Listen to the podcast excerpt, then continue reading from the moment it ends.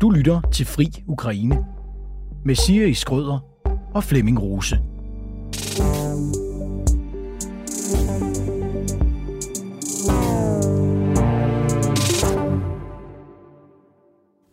Flemming, i dag er det bare dig og mig, der er i studiet. Det er en fornøjelse, Siri. Jeg har egentlig også glædet mig til, at det bare er os to. Vi nærmer os afsnit 100. Øhm, det er jo sådan en lidt trist milepæl, når man tænker på anledningen til, at vi to ugentligt mødes. Det er, øh, at der er en, en krig. I dag vil jeg gerne tale med dig om Ukraines potentielle medlemskab af EU og pressens rolle i, i krigen. EU-kommissionen har anbefalet, at medlemslandene godkender optagelsesforhandlingerne for Ukraine. Det er, hvis jeg må være så fri at sige det, et ret vildt spring fra før krigen, hvor Ukraine ikke engang var kandidatland. Jeg tror nærmest ikke, at det var en realistisk samtale, at de kunne blive det. Flemming, hvad, hvad er det, der sker? Jamen, det er rigtigt. Det er jo et, øh, et kvantespring, som selvfølgelig er udløst af øh, krigen og det, som forskellige hoveder i Bruxelles og andre steder øh, forsøger at gennemtænke konsekvenserne af. Det står også i øh, vores egen regerings øh, udenrigs- og sikkerhedspolitiske strategi, at øh, man skal forsøge at skrue op for udvidelsesprocessen. Det er jo ikke bare Ukraine, det er jo også seks mm. lande på Balkan, så vidt jeg husker ikke, så er det Georgien. Ja. Der er lige frem nogen nu, der også begynder at tale om Armenien, men det tror jeg er rimelig øh, hypotetisk. Men ideen er, efter min mening, at forsøge at lukke en sikkerhedspolitisk øh, gråzone imellem øh, Rusland og EU. Det er en gråzone, som jo har eksisteret der i mange, mange år. Opfatter jo også Moldova, som jeg øh, glemte, og i princippet også Belarus. Men Belarus er nu så tæt allieret med øh, Rusland, at øh, det måske ikke rigtig giver mening at tale ja, det om det. Men det, var, nej, men det var på et tidspunkt, talte man også om det. Og det er jo en, det er en konsekvens øh, af de sidste 30 års øh, udenrigs- og sikkerhedspolitik, ikke? Øh, og bestræbelserne på at udvide EU og NATO. Og der er så en række lande, som er havnet i en gråzone imellem Rusland og øh, Vesten, og det har måske først og fremmest ramt Ukraine. De er også tættere på, men sådan set tidligere også Georgien jo.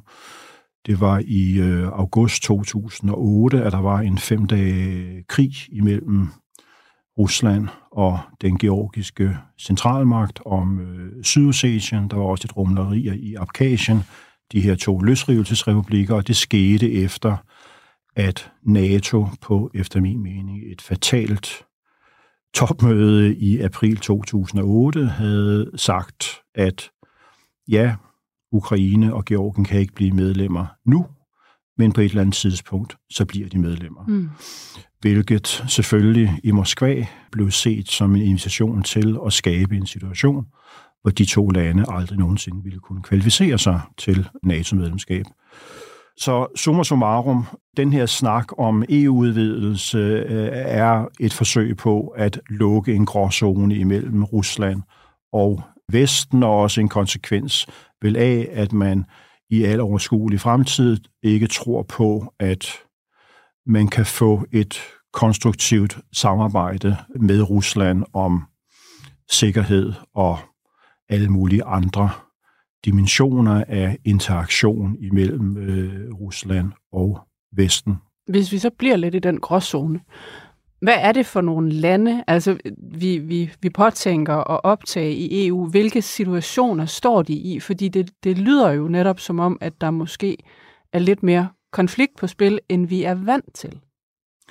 Ja, helt klart. Og dem, som, øh, dem, som sidder med det her i EU, skal selvfølgelig... De, de, altså det, efter min mening er der ikke nogen ligesom clear-cut løsning. Det er alt sammen et spørgsmål om dilemmaer og trade-offs, som man siger på godt dansk, ikke? eller nydansk. Ja. Øh, og, øh, og, og her, der er dilemmaet, at jamen, hvis vi ikke accelererer optagelsesprocessen med de her lande, så er der en risiko for, at de vil blive mere og mere udsatte, og at Rusland vil føre den her hybridkrig øh, tættere og tættere på EU's øh, kerneområde. Men omvendt, så hvis man ser på kriterier, Københavner-kriterier og hvad der ellers har været igennem årene, så er der ikke særlig mange af de lande, som hvis man virkelig skal gå tingene efter i sømmene, og især ikke Ukraine, som lever op til kriterierne må jeg bare minde om, at uh, Tyrkiet har været kandidat til land til EU mm. i snart 30 år. Ikke? Og, jo, og jo for nylig fik at vide, at, at de var langt fra målskiven. Ja, og når jeg taler med uh, topfolk i det danske udenrigsministerium, så siger de jo lige ud, at Tyrkiet bliver aldrig medlem af Nej. EU. Og der er også godt, sket meget med Tyrkiet. Det er der helt klart. Det er der, og, øh, og, og Tyrkiet er måske længere fra de der Københavner-kriterier, end de var for øhm, 15-20 år siden. På den anden side, så kan man ikke afvise, at Ukraine er betydeligt mere korrupt end Tyrkiet. Mm. Øhm, hvor, hvor, hvor ser vi det? Jamen, det ser vi sådan set bare, hvis vi lytter til, hvad ukrainske embedsmænd og øh, politikere selv siger. Det er sådan set ikke noget, vi har fundet på. Ikke? Der er selvfølgelig nogen i Moskva, der forsøger at spekulere i det og bruge det øh, politisk, men det er ikke mere end, hvad er det, seks uger siden, måske en måned siden, at uh, Time Magazine havde en stor artikel om Zelensky og hans inderkreds, hvor en af hans øh, nærmeste rådgivere siger, folk stjæler, som om der ikke var noget i morgen. Ja. Zelensky har fyret alle cheferne for de her rekrutteringskontorer til militæret i et forsøg på at stoppe korruption. Der er ifølge BBC 20.000 ukrainske værnepligtige, som har forladt landet. Mange af dem har selvfølgelig købt sig øh, fri. Der bliver købt og solgt på rigtig, rigtig mange områder i forbindelse med denne her krig. Så, så jeg tror, man øh, med nogenlunde fast grund under fødderne kan sige, at øh, Ukraine stadigvæk er et meget korrupt land. Det betyder ikke, at øh, det måske ikke er blevet bedre. Det skal jeg ikke kunne sige. Det er lang tid siden, jeg har været i Ukraine. Det kan godt være, at det er blevet bedre, mm. og at der nu er nogle ting, der også er kommet frem i lyset, som ikke tidligere kom frem i lyset. Men, men at påstå, at Ukraine skulle være ved at være der, hvor de på korruptionsområdet øh, kan kvalificere sig til EU-medlemskab, det synes jeg måske er at presse citronen en anelse for meget.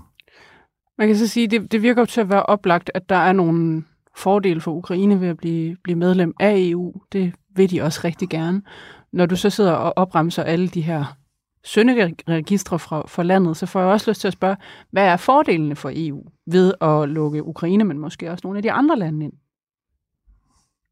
Ja, altså det tror jeg, der vil være forskellige spørgsmål på, mm. øh, eller forskellige svar på, undskyld. Og, og nogen vil sige, jamen der er ikke nogen fordel. Ja.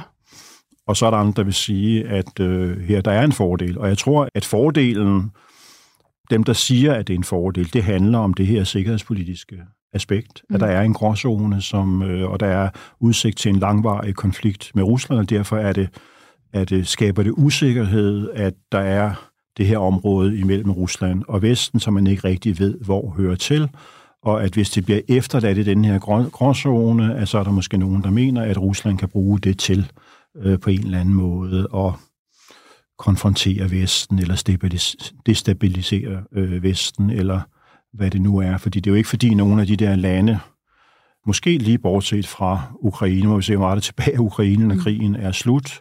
Ukraine er jo stadigvæk det fattigste land, men Ukraine er ressourcerigt, og det har nogle meget store landbrugsarealer, som jo potentielt kan bidrage til EU. Men det betyder så på den anden side, det kan vi se nu på grænsen, at øh, polske, øh, Øh, slovakiske og andre øh, EU-lande, de blokerer grænsen, fordi de ikke vil have øh, ukrainske varer ind i øh, landet. Og hvis Ukraine bliver medlem, så får det jo nogle helt, helt gigantiske konsekvenser for de her strukturfonde i øh, EU. Jeg er ikke EU-ekspert. Jeg skal overhovedet ikke gøre mig klog på det, men jeg kan bare læse sådan, ligesom alle andre, at det vil stille nogle af de lande, som i øjeblikket får de største midler, især nogle af Ukraines nabolande, øh, i en meget vanskeligere situation, fordi Ukraine står til at skulle modtage langt størstedelen af de midler, hvis de bliver medlemmer. Og det er for eksempel landbrugsstøtte? Ja. Ja, okay. Det, det er jo værd at, at tage med. Så ikke sådan de store pros for EU. Jeg tænker, kan der være en, en... en jo, altså der er, en det, er jo en stor, altså, det er jo en stor pro for EU, hvis du rent faktisk kan få lukket det, det der, den der sikkerhedspolitiske mm. gråzone. Ikke? Øh, altså, altså, hvis du ser over de sidste 30 år, altså krigen i Ukraine er jo på mange måder en konsekvens af det. Men er det fordi, man er bange for, at de lande kan altså falde til Rusland? Det er der sikkert nogen, der er, ja. Ja. Øh, det, det er helt klart. Altså, hvis du tager et land som Serbien, Ja. Som jo er det største land på øh, Balkan, og som historisk har haft nogle nære bånd til øh, Rusland, Ja. øh, serbokroatisk og russisk. Øh, jeg, som taler russisk, kan godt forstå noget af det, der bliver sagt på øh, serbokroatisk. Det er et kristent, øh, ortodox land.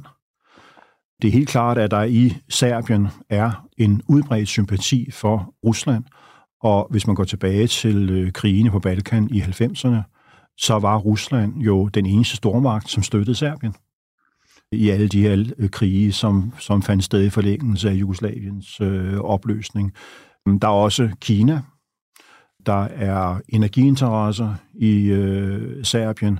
Så det, det er det, det handler om. Altså, øh, når jeg siger en sikkerhedspolitisk gråzone, så handler det jo også om, at, at handelspolitik øh, i dag i langt højere grad end for 20 år siden bliver set som sikkerhedspolitik. Så det er helt sikkert også en del af det. Tak fordi du lyttede til dette uddrag af Fri Ukraine. Hvis du kunne lide det, du hørte, så kan du høre resten af episoden og mange flere i Frihedsbredets app, hvis du bliver medlem af Frihedsbredet. Som en lille bonus får du her en rabatkode, der giver dig den første måned til halv pris. Du skal bare bruge koden Ukraine, når du opretter dig på frihedsbredet.dk.